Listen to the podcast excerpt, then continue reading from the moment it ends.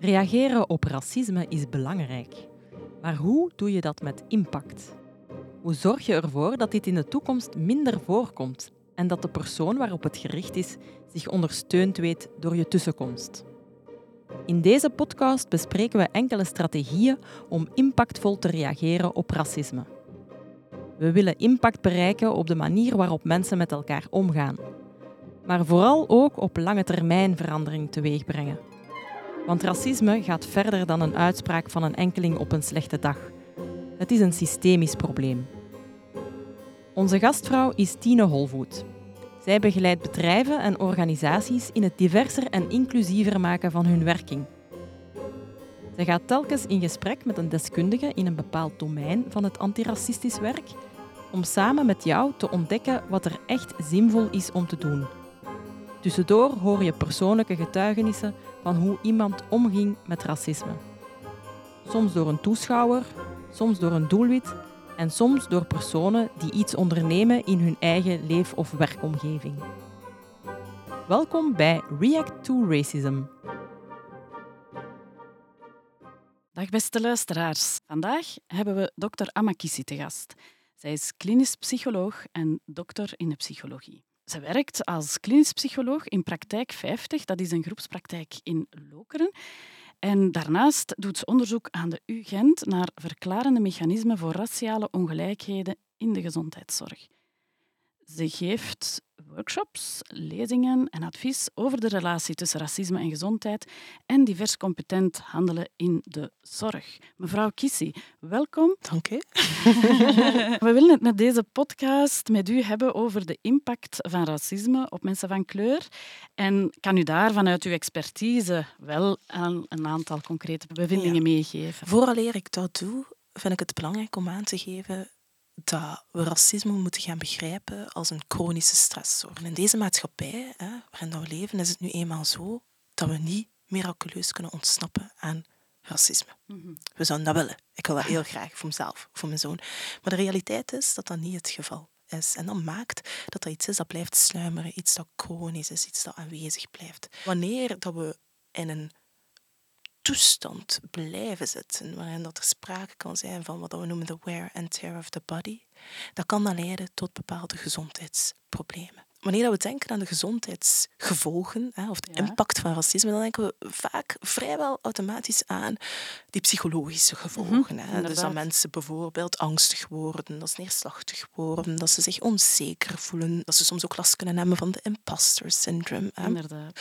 En we weten bijvoorbeeld uit onderzoek dat als we kijken naar bijvoorbeeld, ook binnen de Belgische context, maar ook op wereldwijd niveau, zien we dat etnische en raciale minderheden vaak, dat er sprake is van een hogere prevalentie van mentale gezondheidsproblemen binnen die groep. Wanneer we dat gaan vergelijken met de ehm, meerderheid, hè, raciale en etnische meerderheid. Zie je bijvoorbeeld hogere prevalentie van depressie, angst, van de, van de klassiekers, hè, Ja. als we daaraan denken. We zien ook dat er sprake is van een hogere prevalentie van schizofrenie. Ik heb het nu niet over Belgische cijfers, maar dat zijn vooral cijfers eh, vanuit de Verenigde Staten. En we zien ook dat er sprake is van een lager welbevinden eigenlijk bij raciale en etnische minderheden. Maar we weten ook dat racisme ook fysieke gevolgen kan hebben. Hè. Ja. Dat racisme kan, dat, dat een, een impact kan hebben eigenlijk op het fysieke welbevinden van mensen. Maar als we kijken naar die fysieke gezondheid, Mhm. hè, dan zien we ook dat er sprake is van een hogere prevalentie van diabetes bij personen van kleur. We zien dat er sprake is van hogere levels of een hogere prevalentie van hypertensie, van hartfalen. En zelfs bij de hele kleintjes zien we eigenlijk dat zwarte kindjes twee keer meer kans hebben om te overlijden na de geboorte. Dus we zien echt verschillen in gezondheid, niet enkel bij volwassenen, maar ook bij kindjes.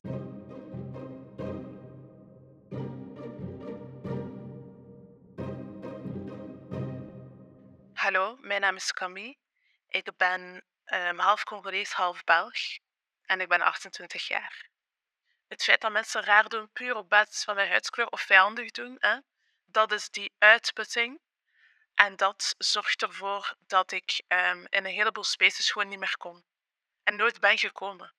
En echt ook mijn best moet doen als ik ergens nieuw naartoe ga denken van, is dit een plek waar ze mij gaan ambeteren of niet? Ehm, en met heel veel mensen ook gewoon niet in gesprek gaan.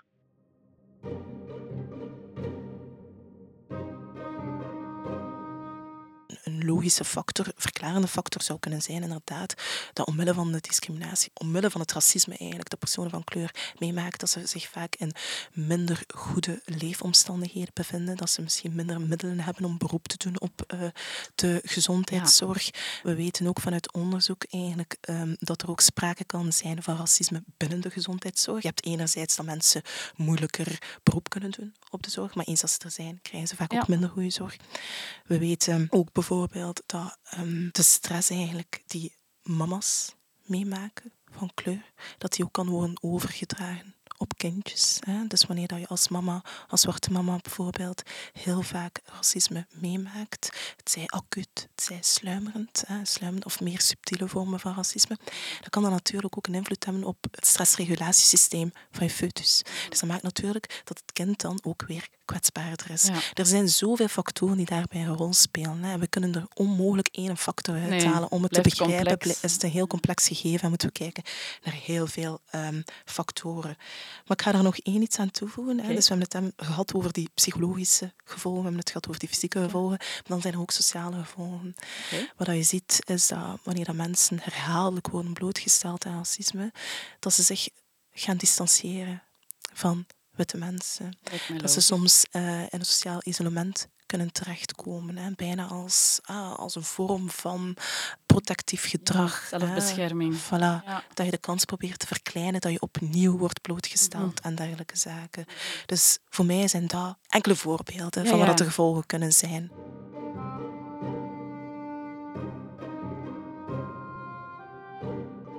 Mijn naam is Bachelora Cabea en ik ben een zwarte vrouw. Uh, zoals ik me ook graag noem, ik ben Afro-Belg. Ja, ik neem mijn broertjes en zusjes en nichtjes, neefjes niet graag naar het zwembad. Um, want daar, die ze, ik denk ook gewoon dat minder kleren aandoen. Dus het feit dat, dat, je, ja, dat je in een zwempak zit en dat je, dat je lichaam en je kleur zo um, ja, zichtbaar is, dat dat heel veel naar boven haalt.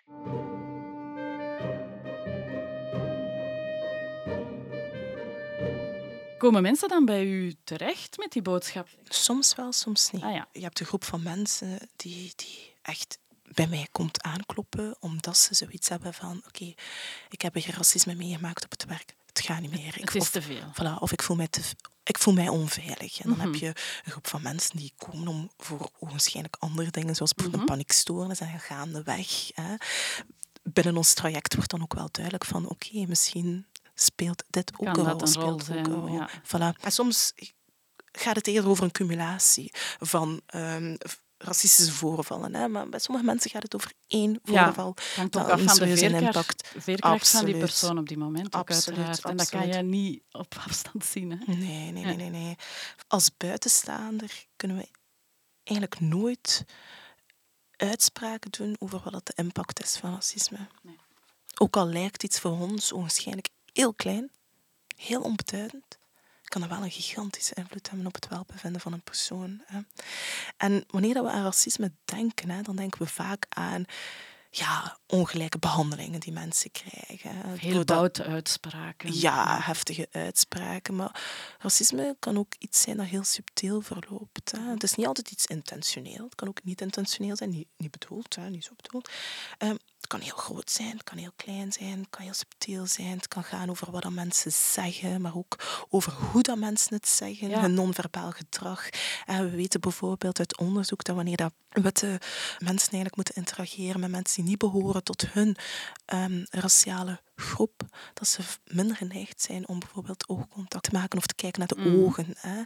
En uh, als onderzoekers zeggen we vaak van uh, the, the, eyes are the window to one's soul. Ja. Dus willen we echt zicht krijgen op hoe, dat iemand zich echt voelt, dan is oogcontact onmisbaar in dat verhaal. Hè. Dus allee, ik denk dat dat wel belangrijk is om, al die, allez, om dat even mee te nemen. En we hebben het nu gehad over discriminatie, over dingen die mensen doen, maar vaak gaat het ook over wat mensen niet doen. Vooral dat, ja. Dat is een gegeven dat vaak vergeten wordt. Bijvoorbeeld een promotie die je niet krijgt, hè, dat evenzeer als discriminerend kan worden ervaren. Dus dat is een belangrijk iets uh, om mee te geven.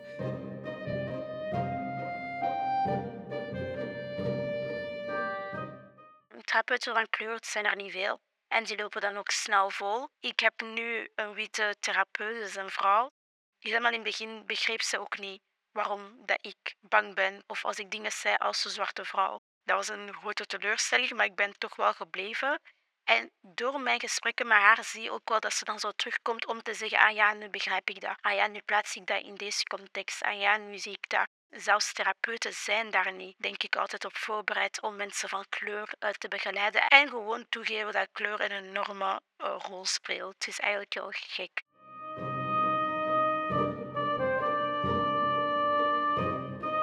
En soms hè, zijn de diepste wonden van racisme niet zozeer, zozeer te wijten aan die discriminatie. Maar gaat het soms over de continue blootstelling aan bijvoorbeeld stereotypen, vooroordelen. Hè?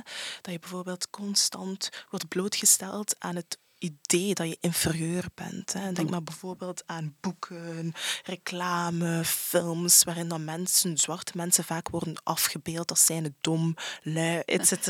Ja, als je constant daaraan wordt blootgesteld, dan, doet, dan dat wel aan je zelfvertrouwen. Dan heeft dat ook een negatief gevoel op je gevoel van veiligheid, je zelfbeeld. Hè. En mhm. soms is het net dat dat een serieuze impact kan hebben op iemands welbevinden. Hè. En als ik daarop verder bouw, hè, dan, dan kom ik eigenlijk terecht bij het idee van intergenerationeel trauma, historisch trauma. Hè. Um, dat tot stand komt door racisme dat bijvoorbeeld de oudere generatie heeft meegemaakt. Denk bijvoorbeeld aan kinderen um, van de Afrikaanse diaspora die grootouders en overgrootouders hebben die zijn opgegroeid uh, tijdens de koloniale periode. Mm -hmm. um, mensen wiens voorouders tot slaafgemaakte mensen waren. -hmm. Nu niet heel specifiek gericht op um, zwarte mensen, maar holocaust-overlevers of mensen hè, die komen vanuit een familie waar mensen eigenlijk um, de holocaust uh, hebben um, overleefd. En dat door de verhalen en de stress. Voilà, die verhalen die je meekrijgt. En zoals ik daarnet ook zei, van, eh, racisme is een chronische stressor. Ja. En dat kan een invloed hebben op je stressregulatiesysteem. En die dysregulatie zorgt voor veranderingen. Kan, of, voor, kan niet altijd, maar kan voor verandering zorgen op niveau van je DNA. En DNA wordt ook doorgegeven. Mm Dus dat, daardoor kan je wel begrijpen hoe dat die epigenetische veranderingen ook een impact kunnen hebben op de volgende generatie. Ja, ja. En, en ook ja, als je bijvoorbeeld grootgebracht wordt door een ouder of een grootouder die uh, bijvoorbeeld de koloniale periode heeft meegemaakt en heel wat wantrouwen heeft ten aanzien van witte mensen. Ja, dat zie je ook wel. Allee, bedoel, als, een als kind, absoluut. We weten dat mensen heel sterk kunnen leren aan de hand van observatie. Hè, wat als kind. Als, allee, bedoel, het is één iets van verhalen te horen, maar als je ziet dat je ouder of je grootouder bijvoorbeeld heel, heel defensief is, protectief is, zich afsluit van met de mensen, ja, dan neem je dat mee en dan denk je van, ah ja, die vormen een bedreiging. Dus dat kan ook een impact hebben um, op het kind zelf.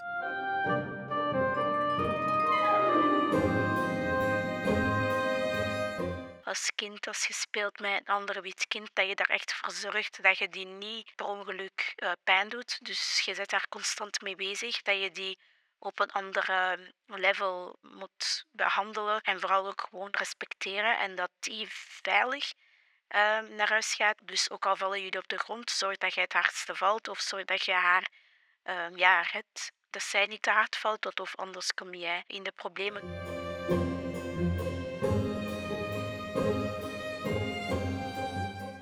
Ik las in een boek Gevangen in zwart-wit denken van uh, Baba Tarawali dat mensen die onderdrukt zijn, die praten zachter. Mensen die dankbaar zijn, die sluiten sneller compromissen. En hij zegt, mensen die in vrijheid zijn geboren, die hoeven niet zachter te praten of compromissen te sluiten. Nu, hij spreekt daarbij heel hard vanuit zijn ervaring als politiek vluchteling in Nederland.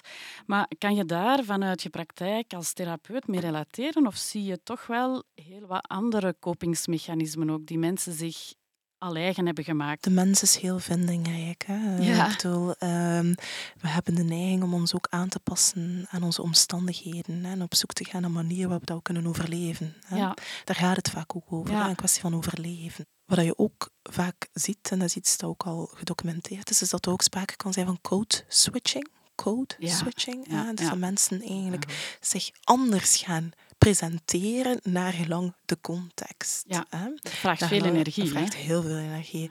Dat sluit ook heel mooi aan bij het fenomeen van uh, covering. Hè. Dus dat is iets wat al vaak hè, binnen de bedrijfspsychologische literatuur aan bod komt, dat mensen eigenlijk aspecten van zichzelf gaan afdekken Ah, ja. en gaan verstoppen uit angst eh, om eigenlijk ja, veroordeeld te worden of niet geaccepteerd te worden. Maar opnieuw, dat vergt ook heel veel energie.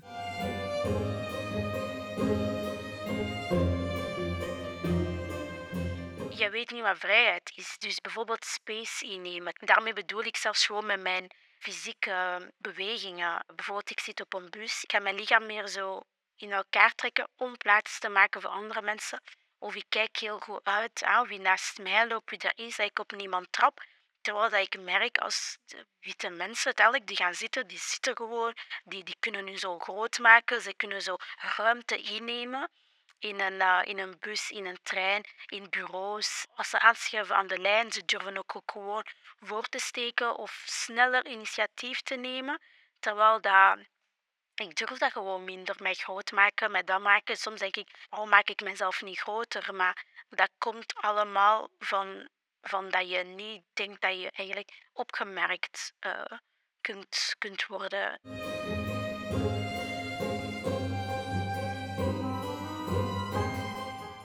Heb het gehad over dat distancieren, eh, covering, othering, ehm, als copingmechanisme. hè. Dus ik heb die zaken opgelijst. Maar we zien ook dat heel veel personen van kleur ook beroep doen op een gemeenschap, community. hè. Dat is iets dat heel belangrijk is, want ik bedoel, heel veel personen van kleur komen ook heel sterk uit collectivistische samenlevingen, hè, waar dat het onderscheid tussen eh, wie dat ik ben en de ander niet zo eenduidig is of niet zo gemakkelijk gemaakt is. Ehm, en we vinden ook wel heel veel steun in onze gemeenschappen.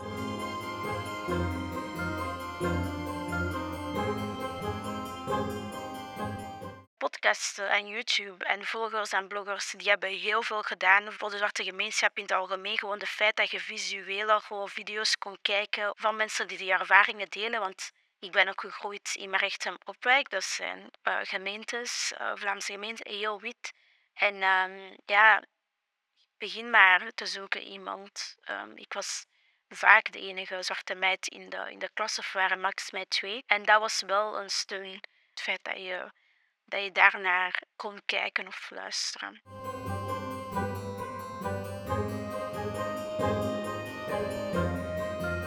Religie is ook iets dat vaak wordt gebruikt als copingmechanisme.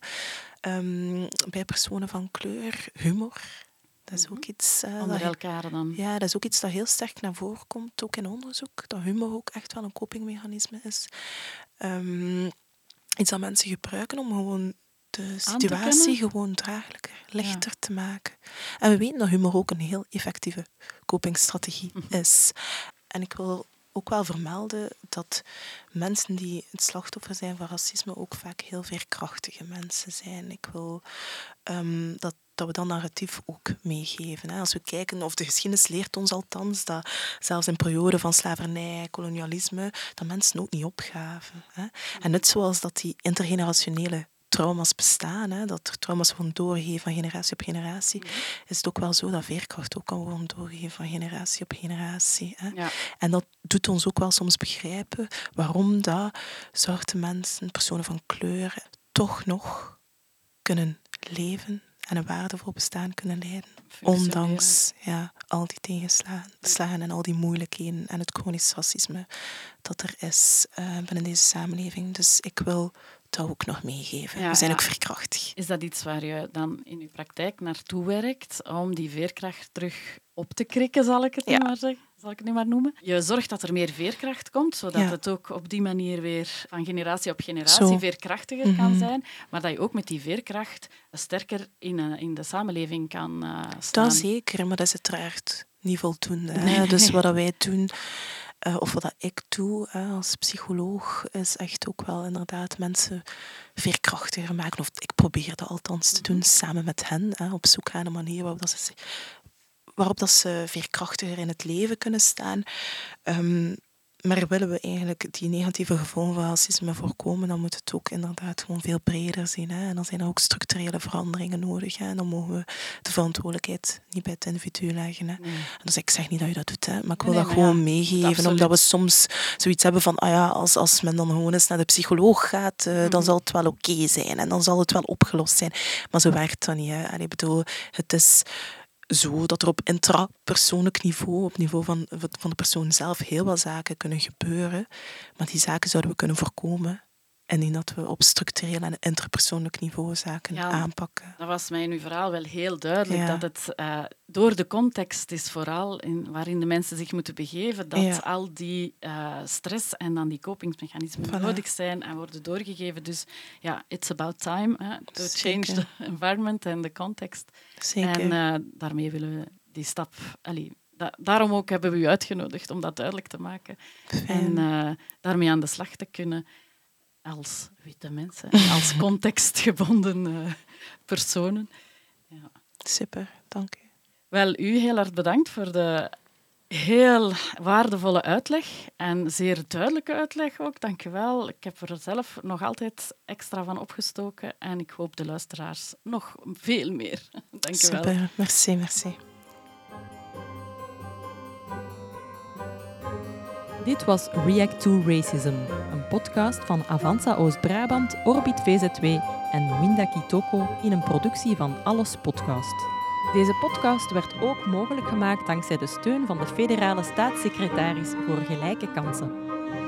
Wil je meer weten over hoe je kan reageren met impact? Luister dan zeker naar de vier andere afleveringen. Je vindt ze samen met nog veel meer informatie op de website reacttoracism.be. Bedankt om te luisteren en heel graag tot een volgende keer.